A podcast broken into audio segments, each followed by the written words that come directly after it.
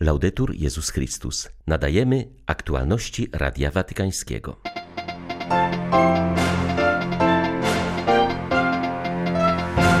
Ojciec Święty mianował nowe kierownictwo Kongregacji do Spraw Kultu Bożego i Dyscypliny Sakramentów. Nowym prefektem został dotychczasowy sekretarz tej dykasterii arcybiskup Arthur Roach. Papież ma faktyczny, a nie tylko symboliczny wpływ na budowanie pokoju, uważa brytyjski sekretarz stanu. Zabiega on o przystąpienie Watykanu do koalicji na rzecz wolności mediów. Kościół, choć przeżywa kryzys, nie stanie się mniejszością, zapewnia prymas Belgii. Obawia się on jednak nowych form sekularyzacji, która może przybrać fanatyczną postać. 27 maja witają Państwa ksiądz Krzysztof Ołdakowski i Łukasz Sośniak. Zapraszamy na serwis informacyjny.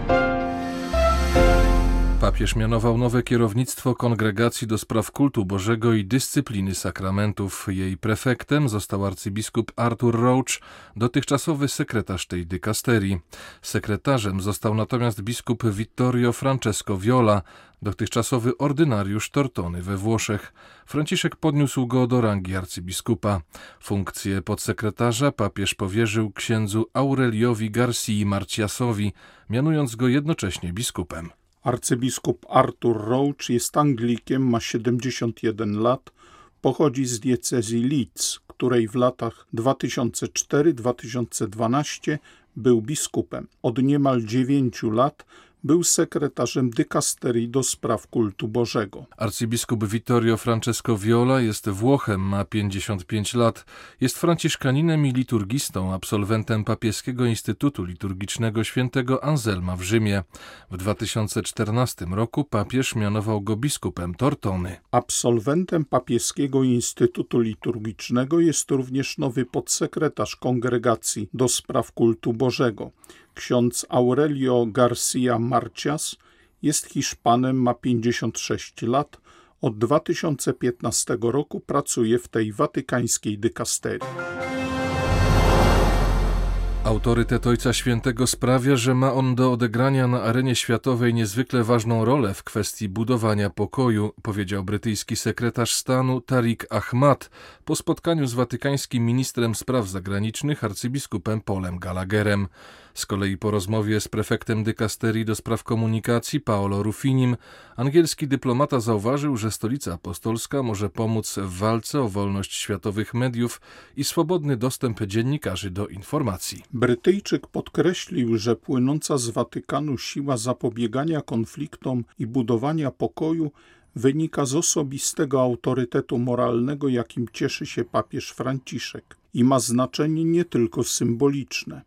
Kościół ma narzędzia, aby zachęcić walczące strony do wzajemnego zbliżenia i spotkania przy stole negocjacji powiedział w rozmowie z Radiem Watykańskim Tariq Ahmad.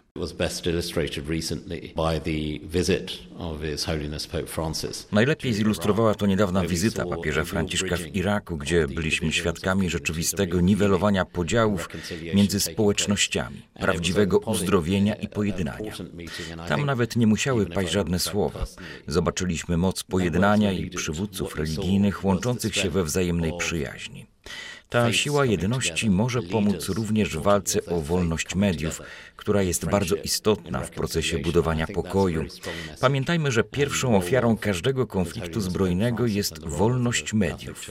Jeśli dziennikarze stają się celem ataków i zabiera się im możliwość komentowania wydarzeń, to można być całkowicie pewnym, że łamane są prawa człowieka. Niestety, najbardziej bezbronne i zmarginalizowane społeczności na świecie to mniejszości wyznaniowe. Dlatego Wielka Brytania ma nadzieję, że Watykan dołączy do koalicji na rzecz wolności mediów, która powstała w lipcu 2019 roku w Londynie i do której przystąpiło już 50 państw. Myślę, że nie byłby to tylko symboliczny gest, ale ważny wkład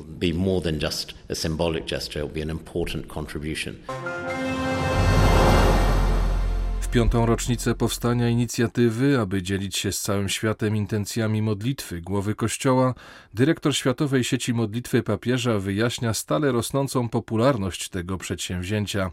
To prosty i szybki sposób poczucia się we wspólnocie z całym Kościołem. Jezuita ojciec Frederick Fornos przyznaje, że nie oczekiwał tak ogromnego odzewu ze świata. Inicjatywa weszła w życie w 2016 roku na zakończenie jubileuszu miłosierdzia. Jej celem było znalezienie nowego języka, aby włączyć możliwie najwięcej osób do modlitwy w intencjach Ojca Świętego. Zdaniem ojca Fornosa kluczem do powodzenia tej inicjatywy jest to, że to sam papież swoimi słowami mobilizuje do włączania się w modlitwę. Dyrektor Światowej Sieci Modlitwy Papieża zwraca uwagę, że aktualnie papieskie wideo ukazuje się w 23 wersjach językowych. W ostatnim czasie dołączyły język filipiński oraz kekchi. To sami mieszkańcy Gwatemali i Belize podjęli inicjatywę udostępnienia treści modlitwy w swoim języku. Ojciec Fornos dodaje, że to młodzi ludzie, oglądając często papieskie wideo, umieszczają je na różnych platformach cyfrowych. Za każdym razem, kiedy umieszczamy papieskie wideo, otrzymujemy bardzo mocny sygnał zwrotny, który przychodzi do naszych biur krajowych rozsianych po całym świecie, gdzie jesteśmy obecni poprzez naszą sieć. Są to komentarze umieszczane przez ludzi, jak pomaga im to w modlitwie. To zawsze jest bardzo wzruszające, móc usłyszeć, jak oprócz ukierunkowania modlitwy tworzy się wielka komunia w ogromnej różnorodności kulturowej językowej, reprezentującej różne wrażliwości eklezjalne. To bycie razem, również uwzględniając dzielące różnice, stanowiące okazję do ubogacenia w komunii, jest bardzo istotne w modlitwie, w intencjach misji Kościoła. Wtedy zawsze przypominam sobie, jak Pan Jezus wysławiał Ojca, zwracając się do Niego: Wysławiam Cię, Boże, Panie nieba i ziemi, że tajemnice królestwa objawiłeś prostaczkom.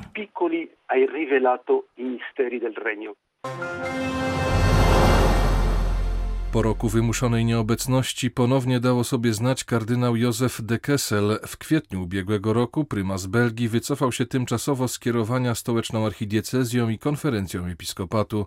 Zmusiła go do tego poważna choroba nowotworowa. Jestem po trzech operacjach. Ostatnia miała miejsce kilka tygodni temu.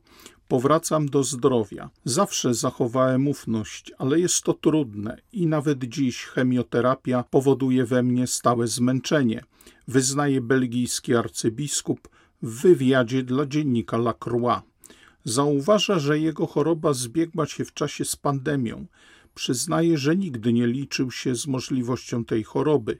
Podobnie jak nasze nowoczesne społeczeństwo nie liczyło się z możliwością pandemii Tymczasem wszyscy musieliśmy zmierzyć się z naszą kruchością. Kardynał de Kessel opowiada, że przez całą chorobę codziennie mógł odmawiać modlitwę brewiarzową, Krok po kroku odkrywałem, że słowa psalmów są moimi słowami. Wyrażały moje wołanie, trwogę, wdzięczność.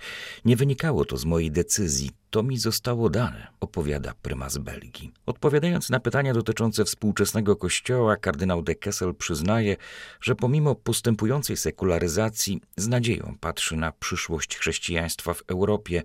Zapewnia, że w krajach takich jak Belgia czy Francja katolicy nie staną się mniejszością, choć ich obecność będzie na pewno skromniejsza. Zastrzega, że potrzebujemy autentycznych wspólnot wiary, które żyją Słowem Bożym, liturgią, a zarazem zabiegają o bardziej ludzki i sprawiedliwy świat.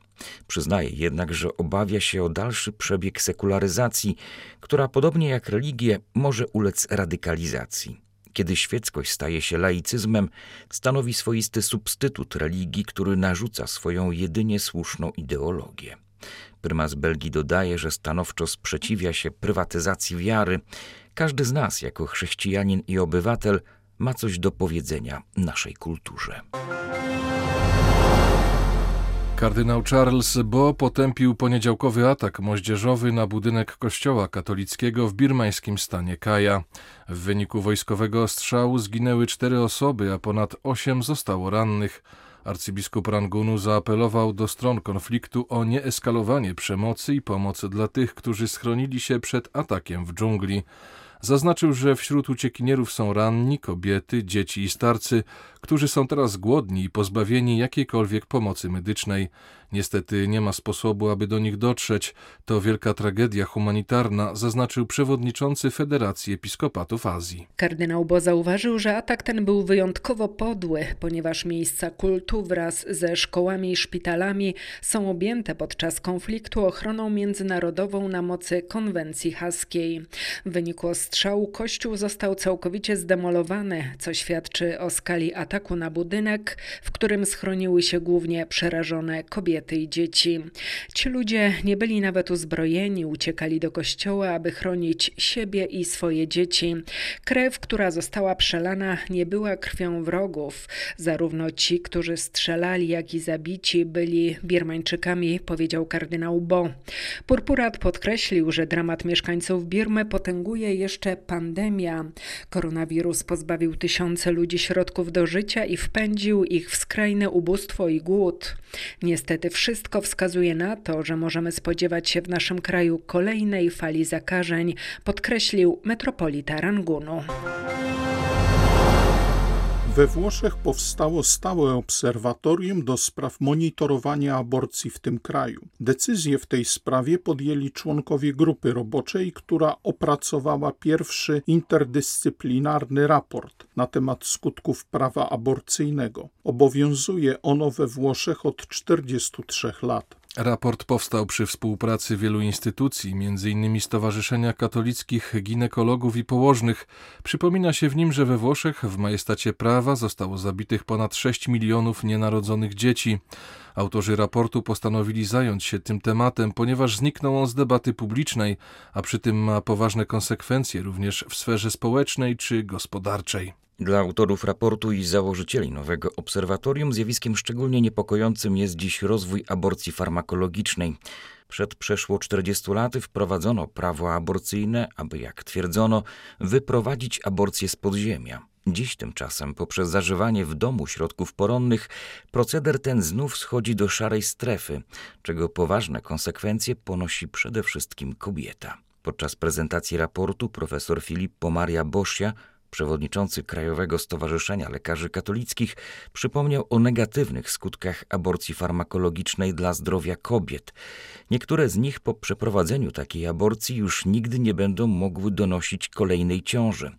Jego zdaniem młode dziewczęta i kobiety nie są o tym dostatecznie poinformowane. Jeśli na zawsze pozbawia się je macierzyństwa, to zdaniem profesora Boshi jest to zbrodnia przeciwko ludzkości. Uniwersytet Papieski Jana Pawła II w Krakowie zorganizował sympozjum naukowe poświęcone 90. rocznicy powstania Radia Watykańskiego. Specjaliści od komunikacji i mediów debatowali nad historią i działalnością papieskiej rozgłośni na przestrzeni minionych dziesięcioleci. Zorganizowane przez papieską uczelnię sympozjum zgromadziło przedstawicieli ośmiu ośrodków naukowych. W czasie trzech sesji zaprezentowano 16 wystąpień, które na różnych płaszczyznach dotyczyły 90-letniej działalności działalności Radia Watykańskiego. O zakończonym sympozjum mówi ksiądz profesor Michał Droszcz. Radio Watykańskie w swojej działalności, która się zmienia, dostosowuje się do wymogów czasu, pełni zawsze taką samą rolę. Wpisuje się w misję ewangelizacyjną Kościoła poprzez informację rzetelną u źródła i poprzez formację, bo zawsze w informacjach jest kształtowanie ludzkich sumień, jest kształtowanie ducha wiary. Owocem sesji naukowych będzie publikacja, która ukaże się w lipcu. Znajdą się w niej omawiane tematy oraz artykuł, który przed swoją śmiercią przygotował zmarły na początku tego roku ojciec Andrzej Koprowski, dyrektor programowy Radia Watykańskiego. Dla Radia Watykańskiego z Krakowa ksiądz Jarosław Raczak. Były to aktualności Radia Watykańskiego. Laudetur Jezus Chrystus.